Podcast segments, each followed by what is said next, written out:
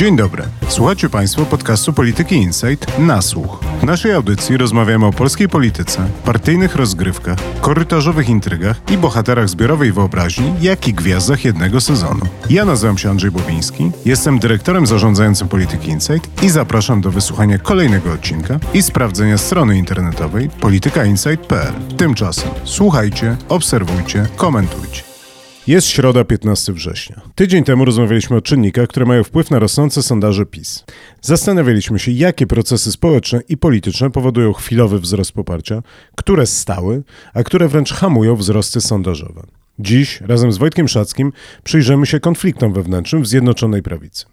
Te od paru lat tradycyjnie nasilają się na początku jesieni, a dodatkowo wzmagają je powracające rekonstrukcje rządu, tak jak w tym roku. Zapraszam na nasłuch.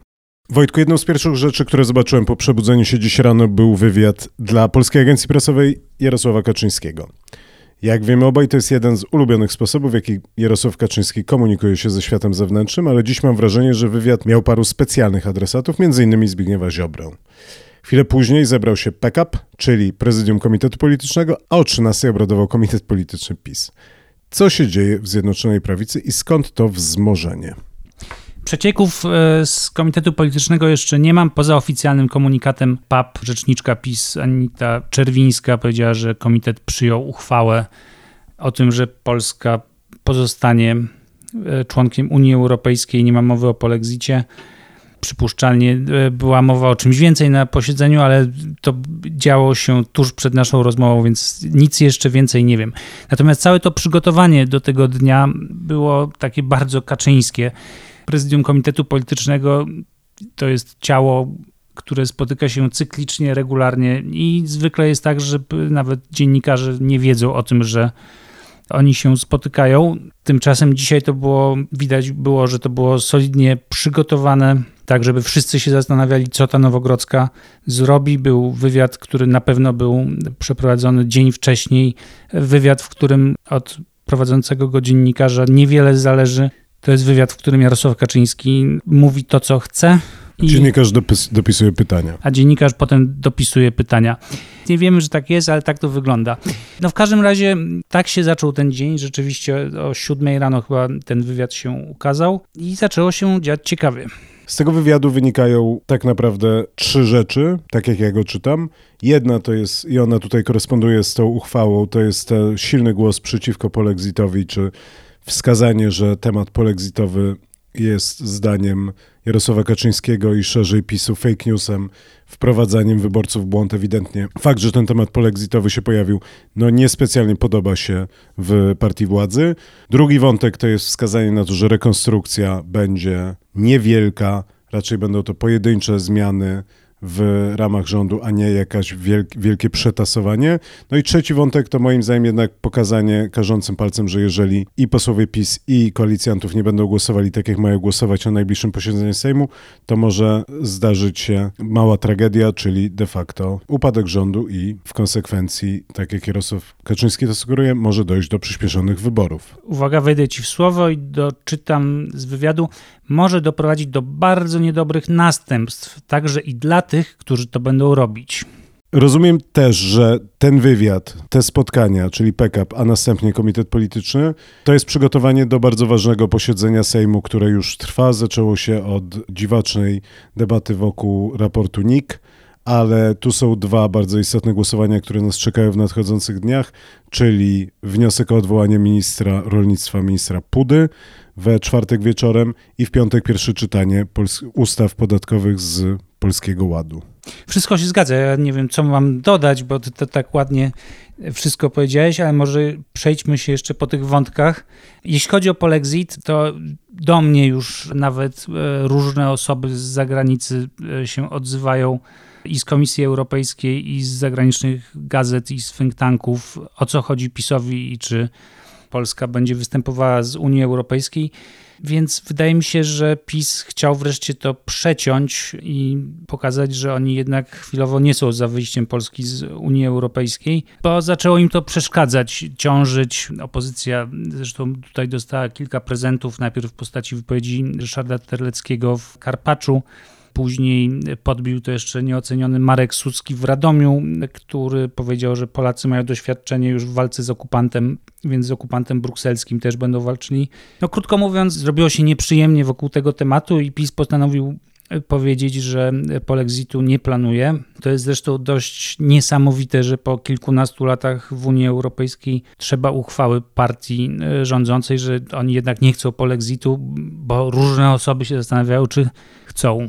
To teraz ja tobie wejdę w słowo i się zastanawiałem, czy to też nie jest sygnał do Solidarnej Polski, żeby Solidarna Polska nie grała tym tematem, bo wydawałoby się, tam też była wypowiedź Zbigniewa Ziobry, no też jest, dużo się dzieje w tej polityce europejskiej, jest kwestia ustaw sądowych, jest kwestia nadchodzącego posiedzenia Trybunału Konstytucyjnego i parę innych palących spraw związanych z przyjęciem bądź nieprzyjęciem krajowych planów odbudowy, więc wydaje mi się, że tutaj też mogło być tak, że Jarosław Kaczyński wraz z wierchuszką dał sygnał Solidarnej Polski, żeby tym polexitem nie grali i żeby też trochę zeszli z takiej wojenno-okupacyjnej retoryki to pewnie ma spuścić trochę powietrza z tego balonu i pozwolić być może na otwarcie jakichś rozmów e, z mm, Komisją czy z innymi instytucjami unijnymi, ale przede wszystkim z Komisją Europejską. I być może jest to sygnał, że PiS jest gotów na jakieś ustępstwa. Rozmawiałem wczoraj z człowiekiem z Komisji Europejskiej. On twierdził, że tam nie ma jakichś bardzo wojowniczych nastrojów względem Polski i że Komisja Europejska w zasadzie, jeśli Polska okaże trochę dobrej woli, to i Komisja Europejska okaże trochę dobrej woli. Nie ma tam jakiegoś mm, nastroju wojny totalnej. W każdym razie nic nie wskazuje na to, żeby Komisja chciała mówić jednym głosem, na przykład z opozycją czy najbardziej antypisowskimi mediami. Miałeś przejść po tych wątkach. Jeśli chodzi o posiedzenie Sejmu, to rzeczywiście tutaj ta większość, która obecnie stoi za rządem, będzie wypróbowana. Zobaczymy też, czy dwóch posłów, którzy do tej pory byli niezrzeszeni, dołączy do klubu PiS, czyli Zbigniew Eichler i Łukasz Mejza co by podniosło liczbę posłów w klubie PiS do 229. Wciąż trochę mało, ale jeszcze przy pomocy posłów Pawła Kukiza e, ta większość rysuje się jako względnie bezpieczna choć nie na tyle bezpieczna, żeby Jarosław Kaczyński spał sobie spokojnie i ten wywiad dany Papowi świadczy o tym, że nie dzieje się tam na zapleczu jakoś idealnie, ale że dochodzi do e, sporów i Jarosław Kaczyński postanowił przywołać poszczególne kawałki tej większości do porządku. Dopowiadając i przechodząc dalej, to są dwa super ważne głosowania, od których bardzo wiele zależy. Jeżeli one się wywrócą, jeżeli z jakichś względów na przykład iluś posłów zatrzasnęłoby się w windzie lub nie daj Boże w ubikacji, Grzegorz Puda by został odwołany, no to zdaje się, że w którymś momencie Jarosław Kaczyński wręcz zasugerował, że rząd by padł. Ja rozmawiałem wczoraj z posłem PiSu, który mi to właśnie powiedział, że Jarosław Kaczyński zapowiedział posłom bardzo mocno, że każde ważne przegrane głosowanie będzie końcem przygody po pierwsze tych posłów z listami wyborczymi PiSu, a po drugie e, końcem przygody z tą kadencją, w której przypominam od niedawna posłowie dostają 4 tysiące mniej więcej złotych więcej e, miesięcznie niż wcześniej, czyli do końca kadencji to jest mniej więcej 100 tysięcy złotych, które można zaoszczędzić, więc każdy poseł powinien mieć w tyle głowy, że to jego dobrobyt zależy od wyniku głosowania. Kaczyński mógł być zaniepokojony losami ministra Pudy, ponieważ nie jest tajemnicą, że jest to minister niespecjalnie popularny i wśród rolników, i wśród części posłów PiSu, zwłaszcza tych, którzy pamiętają jego zaangażowanie w piątkę dla zwierząt. E, Jan Krzysztof Ardanowski, czyli poprzednik ministra Pudy, w zasadzie otwarcie go krytykuje do tej pory. W zeszłym tygodniu był wywiad jego też chyba dla papu, którym e, krytykował obecnego ministra. No i wyobrażam sobie, że tych kilku, kilkunastu posłów PiSu mm, miało olbrzymią pokusę, żeby właśnie zatrzasnąć się gdzieś w toalecie albo e, w windzie i pomóc opozycji, ale tak sobie myślę, że to się raczej nie wydarzy. Przeszliśmy przez listę spraw bieżących. Teraz chciałem zaproponować rozmowę na temat, na który chciałem zrobić cały ten podcast, czyli anatomię sporu w PiSie tudzież anatomię sporów w PiSie. Ja wypisałem sobie wstępnie taką siedmiostopniową hierarchię tych sporów. Piramida Bobińskiego. Ona nie jest idealna i tu te różne spory na siebie nachodzą i też na siebie oddziałują, więc to nie jest jakaś taka wzorcowa typologia, ale mam nadzieję, że pozwoli nam przejść przez te różne wątki i pokazać trochę co jest ważne, co jest mniej ważne i o co i dlaczego ci ludzie cały czas tak strasznie się kłócą. Taką matką wszystkich sporów, moim zdaniem, i na tym, o tym sporze już wielokrotnie i dużo rozmawialiśmy, więc myślę, że dosyć szybko przez niego przejdziemy, ale to jest po prostu spór o sukcesję, czyli kto będzie rządził Zjednoczoną Prawicą po Jarosławie Kaczyńskim. I to jest taki spór, w którym biorą udział, moim zdaniem, wszyscy ze wszystkimi.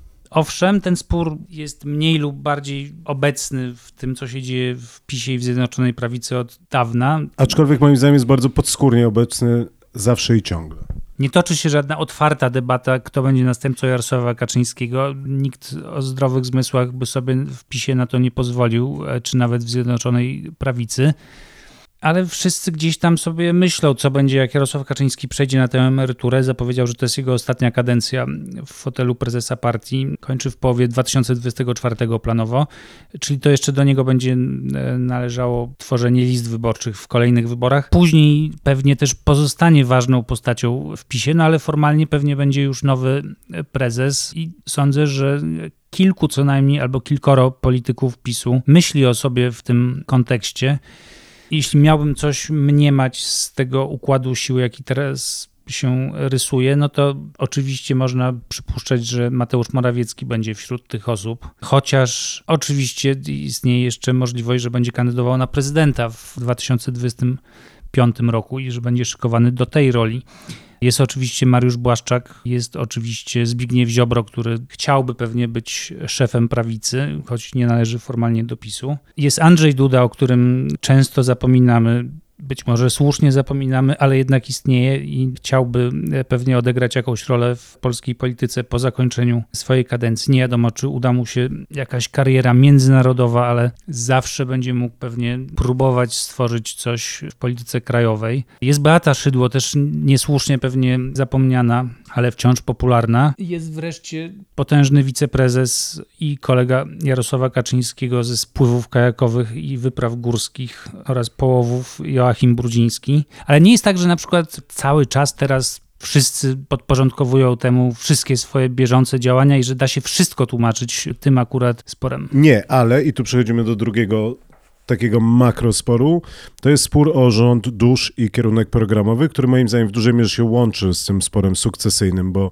ten spór o sukcesy nie jest tylko personalny, ale też jest trochę o tym, jaka ta Zjednoczona Prawica będzie, jakich będzie miała liderów i przywódców, ale też jakich będzie miała wyborców. I tu jest intensywne napięcie, które moim zdaniem dosyć często jednak się wybija na powierzchnię. Tak jak ten spór sukcesyjny cały czas gdzieś tam się tli, ale o nim się Czasem się mówi więcej, czasem mniej, ale niewiele z tego wynika, bo, bo nikt głośno nie, się nie zgłasza na następcę po Jarosławie Kaczyńskim, to akurat ta dyskusja o tym, i o tym trochę rozmawialiśmy w zeszłym tygodniu, w jakim kierunku ta Zjednoczona Prawica miałaby pójść i jaką partią miałaby być w przyszłości, moim zdaniem, nawet jeżeli on rzadko jest wypowiadany wprost, no bo nikt nie wyjdzie i nie powie poza Jarosławem Kaczyńskim, w jakim kierunku Zjednoczona Prawica powinna pojechać, bo nikt nie jest aż tak głupi, żeby przedstawiać swoją wizję, nie będąc zapytanym o to przez Jarosława Kaczyńskiego, ale jednak ten, ten spór dosyć często się nam objawia. No i tutaj sobie wypisałem, że takie są trzy główne ośrodki, czyli z mojej perspektywy, ale może ty to widzisz inaczej, jest Mateusz Morawiecki, trochę ta jego taka otoczenie technokratyczne, ci wszyscy ludzie, którzy z jednej strony piszą maile, a z drugiej strony popierają i wspierają Mateusza Morawieckiego. Z drugiej strony jest ten core PiS, który Mateusza Morawieckiego zwalcza, a z trzeciej strony jest Zbigniew Ziobro i Solidarna Polska, czyli taki najbardziej, powiedziałbym, radykalno-narodowy odłam tej Zjednoczonej Prawicy. Czwarta strona ostatnio zniknęła po wyrzuceniu Jarosława Gowina, czyli zielony konserwatyzm aspiracje i tak dalej, e, to była ta najsłabsza nóżka no, Ale trochę prawicy. nie, ale wydaje mi się, że jednak akurat jeżeli chodzi o te kierunki programowe, to coś tam zostało u Morawieckiego tak naprawdę. No pewnie tak, ale nie ma takiego wyrazistego reprezentanta. Jadwiga Emilewicz pewnie mogłaby odnaleźć się w tej roli, ale ona zdaje się ma kłopoty z odnajdywaniem się po prostu w polityce takiej partyjnej, więc trudniej jest jej też e, odegrać tę rolę. Teraz będziemy więcej pewnie słyszeć w najbliższych miesiącach o takich osobach jak Marcin Ociepa, różne osoby z partii republikanów i to raczej będą osoby, zgaduję, które nie będą starały się stworzyć jakieś przeciwwagi dla tych pozostałych trzech nurtów, tylko raczej będą orientowały się na Mateusza Morawieckiego. I nie masz, że to jest najciekawszy z tych sporów tak naprawdę, ten, ten drugi w mojej, na mojej piramidzie? Chyba tak, dlatego że tutaj on jest w miarę bezpieczny, to znaczy różne osoby, różni politycy mogą pchać te tematy, nie narażając się na zarzut, że próbują ryć pod Jarosławem Kaczyńskim. Rzeczywiście, tu ja, ja sobie trochę myślałem o takich przyszłych politykach, którzy mogą odegrać jakąś rolę za lat kilka lub kilkanaście i teraz widzę kilka prototypów tych polityków. Janusz Kowalski na pewno jest jednym z nich, czyli były wiceminister aktywów i polityk z Solidarnej Polski, poseł. Swoją drogą mało widać Patryka Jakiego, co? Jakby Janusz Kowalski zaczął tak, odgrywać tą... Do Patryka Jakiego zaraz dojdę, ale Janusz Kowalski e, niewątpliwie bardzo dobrze czuje taki puls tego, czym będą żyli Polacy za kilka nie, miesięcy, a może kilkanaście miesięcy, gdy wzrosną ceny energii. Cała Solidarna Polska była w ostrym konflikcie z Mateuszem Morawieckim w trakcie przyjmowania polityki e, klimatycznej, energetycznej, w trakcie przyjmowania budżetu unijnego i oni chcą w przyszłości zebrać z tego profity i powiedzieć, że oni nie mieli wpływu na to, że ceny energii wzrosły. Wręcz przeciwnie, oni próbowali zablokować wzrost cen energii, a to ta zła technokratyczna część prawicy na to pozwoliła. Były takie wywiady nawet Zbigniewa Ziobry, w sposób oczywisty wymierzone w premiera, ale tutaj Janusz Kowalski jest tym politykiem, który jest najaktywniejszy e, na tym polu. Ale przypuszczam, że właśnie ten polityk, europoseł, o którym ty wspomniałeś, z ukrycia pociąga za te sznurki, że to właśnie Patryk Jaki będzie e, takim politykiem, o którym będzie głośno za w perspektywie najbliższych dekad, bo on jest stosunkowo młody jeszcze. Myślę, że tak jest, że Patryk jakiś siedzi, ładuje silnik w Brukseli, przy okazji, jakby to ładnie powiedzieć, zasila konto. Okupanta? Nie, on pobiera nie. pensję od okupanta. Pobiera pensję, zasila konto i w trzeciej kolejności pociąga za sznurki, ale że właśnie przygotowuje się do powrotu, to nie jest tak, że on trochę został zmarginalizowany poprzez swoją nieobecność w polityce krajowej, że trochę Janusz Kowalski przejął jego rolę? Nie, myślę, że ekipa Jakistów ma się dobrze i myślę, że Patryk Jaki wróci, jeśli tylko zostanie wpuszczony na jakieś listy oczywiście, co nie jest wcale przesądzone. Nie wiadomo też, jakie to będą listy i nie wiem, kiedy wróci, czy przy najbliższej już okazji, przy najbliższych wyborach ale jestem przekonany, że on traktuje ten swój pobyt w Parlamencie Europejskim jako chwilową tylko odskocznię od krajowej polityki i wiem, że jest zainteresowany tym, co się dzieje w Polsce. No, Mateusz Morawiecki jest pewnie prototypem takiego polityka przyszłości prawicy. Jego jakimś tam następcą mógłby być młodszy od niego 7 lat e, minister Michał Dworczyk. I pewnie jest więcej takich polityków podobnych do Mateusza Morawieckiego. Część z nich jest na stanowiskach wiceministrów. To jest pewnie i Paweł Jabłoński w e, MSZ, i Piotr Patkowski w Ministerstwie Finansów. To są e, ludzie, którzy łączą dość zdecydowane prawicowe poglądy z umiejętnością przedstawienia ich w taki sposób, że brzmią jakby byli koncyliacyjni, ugodowi, dolni do kompromisu, do rozmów z Unią Europejską, do kompromisów z Unią Europejską i koniec końców często podejmują decyzje, które się tym ich bardziej prawicowym kolegom nie podobają. Różnica między Mateuszem Morawieckim a Zbigniewem Ziobrą i środowiskami, które za nimi stoją, no, dla wielu wyborców pewnie opozycji jest niedostrzegalna, ale to jest jednak różnica spora. A ja bym dopowiedział jeszcze w tej, na tej liście, to jest mniej polityk, bo osoba, która nie kandydowała do Sejmu, wydaje mi się, ale wskazał mi Janusza Cieszyńskiego, czyli postać rosnącą w rządzie i moim zdaniem też bardzo sprawną politycznie, więc... To prawda i on ma ambicje i on będzie startował w kolejnych wyborach, już sobie szykuje miejsce, przecież nie po to współpracował z prezydentem Hełma, żeby po prostu współpracować z prezydentem Hełma, ale również, żeby poznać ten okręg wyborczy, więc przypuszczam, że stamtąd właśnie Janusz Cieszyński będzie startował. To jeszcze, żeby zamknąć ten wątek, rozumiem, że musimy przedstawić prototyp przyszłościowego polityka, który będzie, który przedstawia kierunek programowy Korpisu. Tutaj właśnie mam problem ze wskazaniem takiej osoby, bo Jarosław Kaczyński całym swoim postępowaniem od lat zadbał o to, żeby wyjałowić partię z osób, które miały inne zdanie, ale także przede wszystkim z takich silnych indywidualności, no bo Ale ja, bym, ja, bym, ja jednak bym zasugerował albo Marcina Chorała, albo Pawła Szefernakera. Jeśli chodzi o pierwszą osobę, którą wskazałeś, to moim zdaniem nie. Paweł Szefernaker być może, ale to wciąż jeszcze jest, wiele wody musi upłynąć i pokoleniowo myślę, że to są ludzie trochę za młodzi. Czyli po prostu jednak Mariusz Błaszczak. Jednak wszystko wskaz jednak wskazałbym na Mariusza Błaszczaka albo na jo Joachima Brudzińskiego. Są ci młodzi dorośli To są ci młodzi, tak, tak. Zaczęliśmy od, od, konfliktu, od metakonfliktu, czyli konfliktu o sukcesję, potem jest ten rząd dusz i kierunek programowy. Trzeci poziom konfliktu, który też dobrze się łączy moim zdaniem z tym rządem dusz i z kierunkiem programowym, to jest konflikt o miejsce w świecie w kontekście polityki zagranicznej, polityki europejskiej, spojrzeniu na takie tematy jak klimat tak jak powiedziałem, to dobrze współgra z tym kierunkiem programowym, ale myślę, że to jest bardzo istotne też, bo to jest szerzej o miejscu Polski w świecie. I tutaj też wydaje mi się, że w PiSie jest takie napięcie. Ono chwilowo zostało przejęte i ten temat został przejęty przez Jarosława Kaczyńskiego, który po prostu. Brawurowo powiedział, że Polska powinna być w Unii Europejskiej. Z jednej strony, ale z drugiej strony wskazał ten kurs na izolacjonizm, więc zostawił nas sympatycznie w Unii Europejskiej, ale z drugiej strony powiedział, że musimy jednak iść w jakąś taką polską autonomię strategiczną na wszystkich polach i obszarach.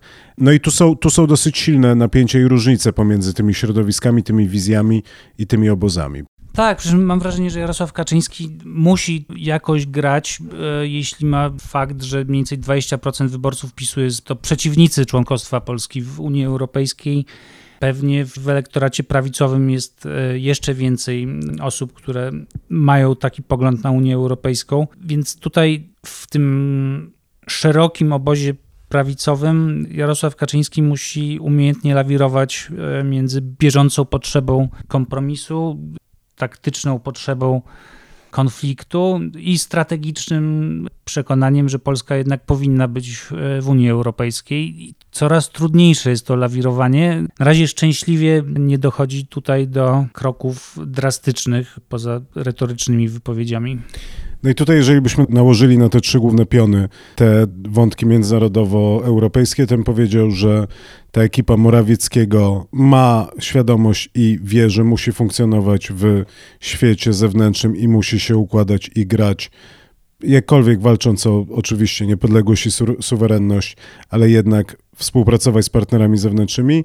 Ziobryści są ogólnie na kontrze, a z kolei ten korpis moim zdaniem trochę idzie w to, co im się wydaje, że chciałby Jarosław Kaczyński, czyli że się specjalnie nie interesujemy tą zagranicą i udajemy, że ta zagranica nie istnieje. To jest trochę ten taki, przychodzi mi do głowy ten globus z ucha prezesa, gdzie tylko Polska jest na tym globusie, więc to jest jakby ten korpis. To, to są trochę ci kolejni ministrowie spraw zagranicznych, którzy średnio się interesują, ale przynajmniej są średnio widoczni w tematach zagranicznych. Na ten obraz nakładają się czysto wewnętrzne gry i e, zabawy w PiSie, bo przecież Mateusz Morawiecki, gdy tylko Jarosław Kaczyński postawił na izolacjonizm, to Mateusz Morawiecki mówi endogenicznym wzroście gospodarczym w Polsce, czyli opierającym się o e, wewnętrzne źródła e, zasilania. Premier co najmniej dwa razy użył tego słowa, więc nie jest to przypadek. Mówił też, że Polska buduje drogi za, głównie za swoje pieniądze i na to zwrócił uwagę wczorajszy rozmówca z Komisji Europejskiej. Otóż to sam premier złożył wniosek do Trybunału Konstytucyjnego o zbadanie kwestii pierwszeństwa prawa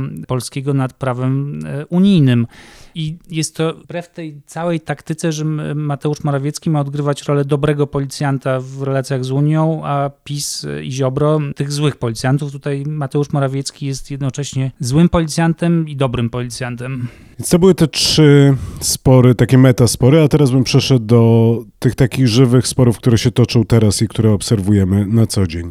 To, co je porządkuje wydawałoby się, to jest ułożenie układu sił przed nadchodzącymi wyborami, kiedy one będą. Zobaczymy prawdopodobnie w 23. I tu jest spór w ramach koalicji o to, kto będzie silny, jak, jak będą wyglądały listy i kto kogo będzie bardziej potrzebował i do czego. Na innym poziomie jest spór w ramach samego PiSu i tu jest właśnie walka o to, kto będzie jak istotny w PiSie przed tymi wyborami.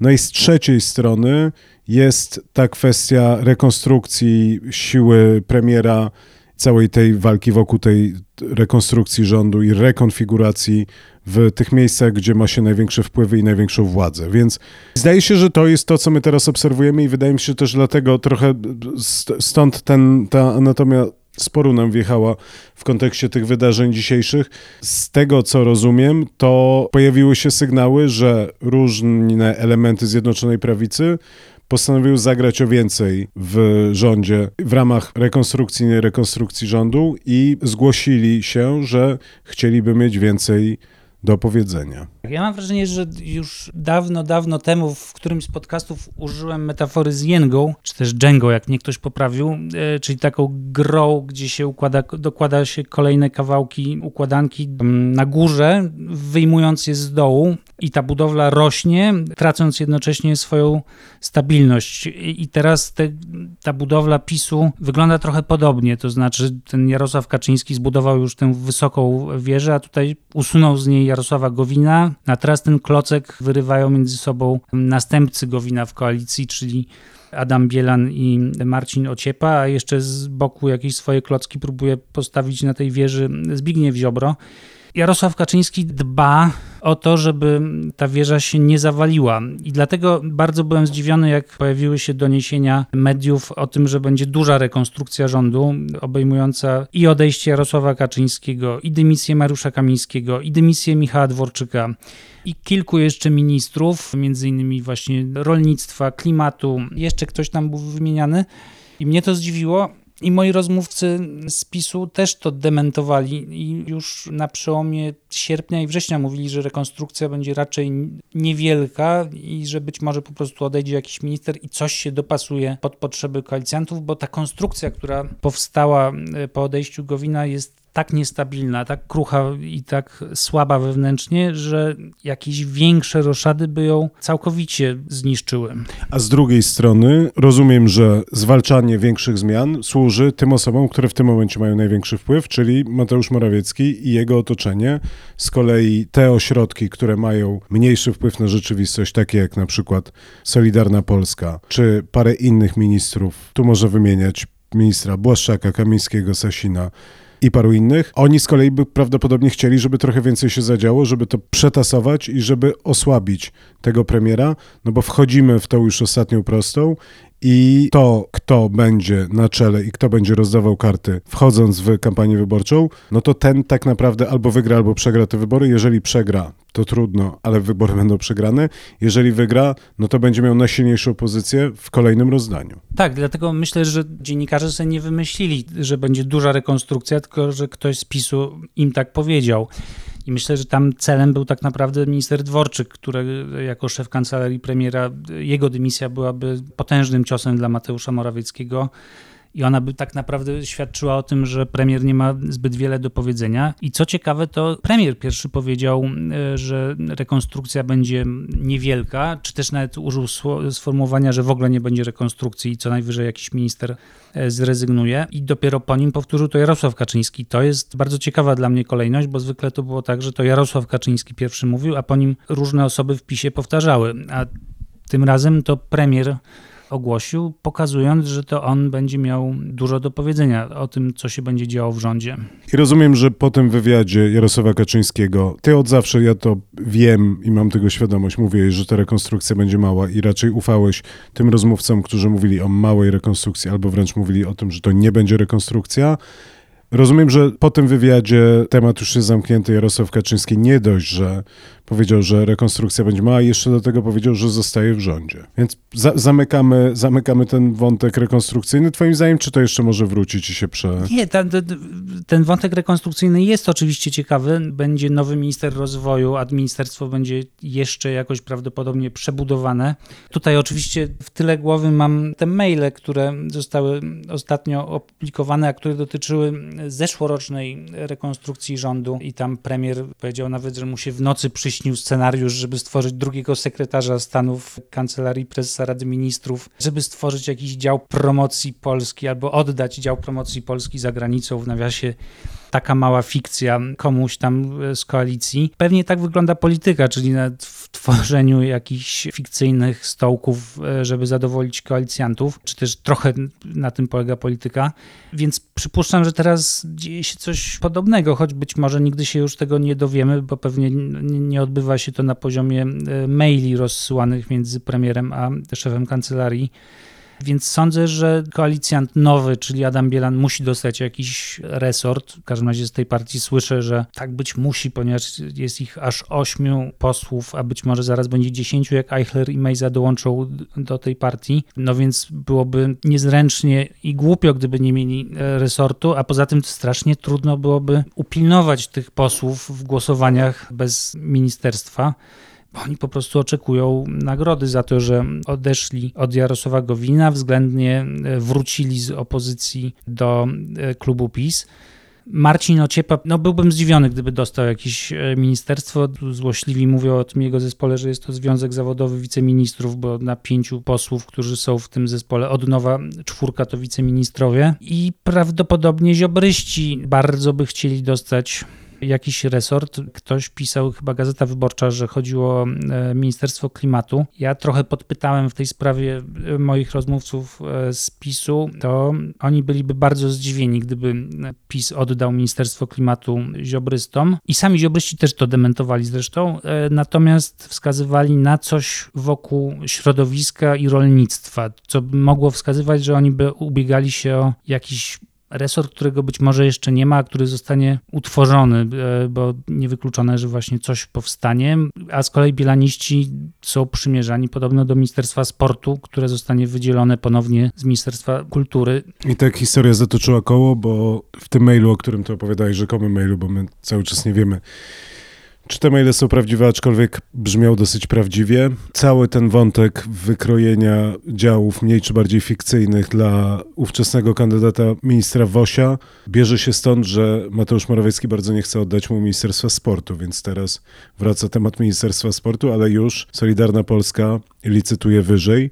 Ja sobie myślę, słuchając ciebie i patrząc na to wszystko, że prawdopodobnie, nawet nie, że prawdopodobnie, że nie dojdzie do dużej rekonstrukcji, że nie będziemy widzieli dużych zmian. Natomiast to, co zobaczymy, i to będzie bardzo ciekawe, to jest dużo małych przesunięć w ramach ministerstw. Prawdopodobnie te działy będą przesuwane, jakieś spółki będą zmieniały swoich protektorów, patronów, zarządców i że taka to będzie właśnie rekonstrukcja, tak żeby z jednej strony nie, nie otworzyć tego placu budowy i znowu nie otworzyć wielkiej wielkiego bałaganu, który będzie wynikał z przestawiania tych dużych klocków. Natomiast, i to jest ta twoja dżęga, sytuacja mniej więcej wygląda tak, że został wyjęty jeden duży klocek, ale pojawiło się bardzo dużo osób wokoło tej wieży, które chcą swoje klocki powkładać na górę i zaczęli się kłócić, a ta wieża chybocze, więc tu jest ten kłopot, że jest bardzo dużo mniejszych interesów do zaspokojenia i to jest ten mój siódmy poziom konfliktu, już się oddaje głos, czyli po prostu ten taki naturalny, codzienny konflikt o stanowiska, o spółki, o spółeczki, o władzę, o pieniądze, który jest bardzo istotnym elementem tego, w jaki sposób PiS jest zarządzany, jak funkcjonuje i że to się nakłada, w sensie ta walka o sukcesję, walka o układ sił przed wyborami, nakłada się jeszcze na ten taki ciągły, permanentny, niekończący się konflikt o większe czy mniejsze korzyści z wykonywania władzy i że to powoduje ten niesamowity harmider i bałagan, bo jest bardzo wiele wyciągniętych rąk, które domagają się, żeby coś dostać. Po sześciu latach e, rządów i przy niepewnej przyszłości, niepewnych kolejnych latach rządów oraz przy niepewności co do tego, czy ta kadencja dojdzie do końca, no te spory wynikające z tych wszystkich konfliktów, o których rozmawialiśmy wcześniej, te bieżące spory też mają swoją rosnącą dynamikę. Ja już z coraz większym rozbawieniem śledzę publikacje o tym, o ludziach, czy to Sasi, ludzie Sasina, ludzie Błaszczaka. Teraz bodaj Radio RMFFM opublikowało listę ludzi Mateusza Morawieckiego. 100 osób, którym patronuje e, Mateusz Morawiecki, to ewidentnie wyszło z okolic rządowych. To jest nieustanna nawalanka między czołowymi politykami PiSu. Ja nie wiem, jak oni tam na siebie patrzą, jak się mijają w e, tych długich korytarzach kancelarii wilkiem. premiera. Wilkiem. Tylko, że z tego nic, nic nie wynika. To znaczy, dla geografii politycznej PiSu, tak naprawdę to, czy ktoś będzie gdzieś zatrudniony lub nie, dla wyborców jest to absolutnie pozbawione znaczenia. Ja myślę, że cały ten konflikt, na przykład między wicepremierem Sasinem a premierem Morawieckim, no to pewnie paręset osób w to zaangażowanych, parę tysięcy osób to uważnie śledzi, kilkanaście tysięcy pewnie mniej więcej wie o co chodzi, a cała, cała reszta mm, w ogóle nie wie, że coś takiego się wydarzyło. Więc takie konflikty nie tworzą zagrożenia dla bytu Zjednoczonej Prawicy. One pewnie są też nie do uniknięcia w takiej wielkiej organizacji, jaką się stała Zjednoczona Prawica, wszystkie instytucje z nią związane. Rywalizacja polityków to też żadna nowość, natomiast mamy teraz do czynienia z wykwitem tych publikacji różnych mediów o nepotyzmie, e, przy czym to zawsze jest tak, że piętnują nepotyzm tylko w jednej na przykład spółce albo ludzi związanych z jednym politykiem, co wskazuje jasno, że to e, konkurent tego polityka napuścił te media Przypuszczam, że po prostu są wysyłane często gotowce do różnych redakcji, by pokazały na przykład wpływy tego czy innego ministra. Natomiast ja bym nie przywiązywał do tego jakiejś specjalnej wagi. Tak było, tak jest i tak będzie. Czasem będzie tego więcej, czasem mniej. Pokazuje to brud w tej polityce, pokazuje to różne grzechy, które są e, od lat popełniane, nepotyzm, kumoterstwo i tak dalej. Natomiast nie mam złudzeń, że to mogłoby doprowadzić na przykład do jakiejś wielkiej wojny, która by zakończyła istnienie na przykład Zjednoczonej Prawicy. I tradycyjnie nie wypada mi się z Tobą nie zgodzić. Przy czym dzisiejszy dzień, środa 15 września, to jest przykład takiego momentu, kiedy moim zdaniem Jarosław Kaczyński tuż przed ważnym posiedzeniem Sejmu, na którym decydują się ważne sprawy dotyczące przyszłości Zjednoczonej Prawicy, musi jednak zebrać wszystkich i powiedzieć: cicho, spokój, skupcie się, teraz musimy coś razem zrobić.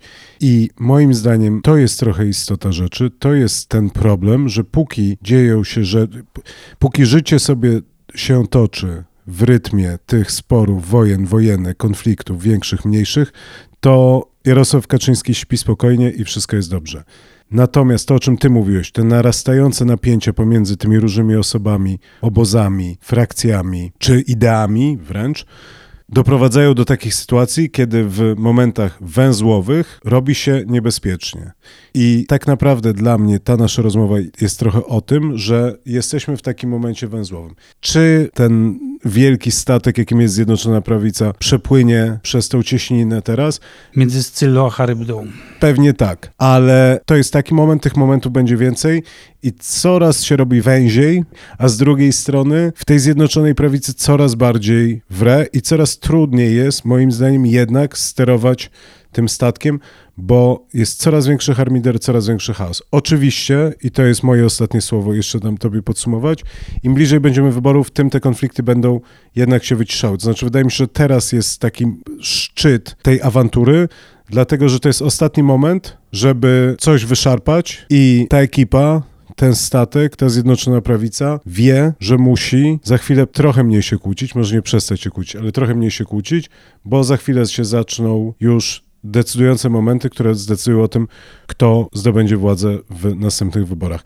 Ale to jest ten ostatni moment, kiedy można spróbować jeszcze wyszarpać jak najwięcej i to jest moment niebezpieczny, pewnie, pewnie do ogarnięcia, ale jednak niebezpieczny dla tego projektu politycznego króciutkie, bieżące adwocem, czyli sądzę, że będzie jeszcze bardzo malowniczy proces układania list wyborczych i że tam nie jedna pielgrzymka z jakimś donosem na Nowogrodzką E, się ustawi. E, a tak globalnie, no to pełna zgoda. E, I ja myślę, że tak jak w zeszłym tygodniu rozmawialiśmy o pogodzie i klimacie dla PiSu, to ja myślę, że w perspektywie nie kilku miesięcy, czy nawet nie kilkunastu miesięcy, ale kilku lat, ta Zjednoczona Prawica nie może trwać. I nawet nie chodzi tutaj o ambicje poszczególnych polityków, tylko o procesy społeczne, które wymuszą zmiany. Myślę tutaj przede wszystkim o dwóch, czyli o sekularyzacji społeczeństwa, która jest faktem, którą widać w każdym badaniu badaniu e, łącznie z sondażami Cebosu i która to sekularyzacja wymusi zmiany w programie Zjednoczonej Prawicy, a prawdopodobnie PiSu raczej niż Zjednoczonej Prawicy, a prawdopodobnie nawet części PiSu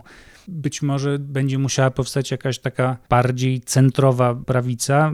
Z drugiej strony te procesy, które zachodzą w Unii Europejskiej, federalizacyjne czy też quasi-federalizacyjne, czyli ten program Fit e, for 55, e, czyli transformacja energetyczna. To z kolei stworzy podłoże dla takiej bardziej radykalnej, antyeuropejskiej, antyunijnej prawicy.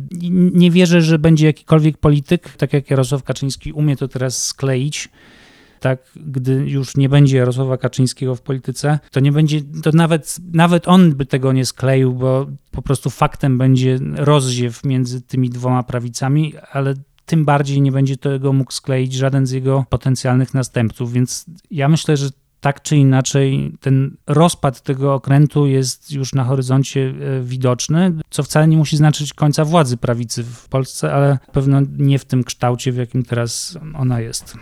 Dziękuję bardzo. Dzięki.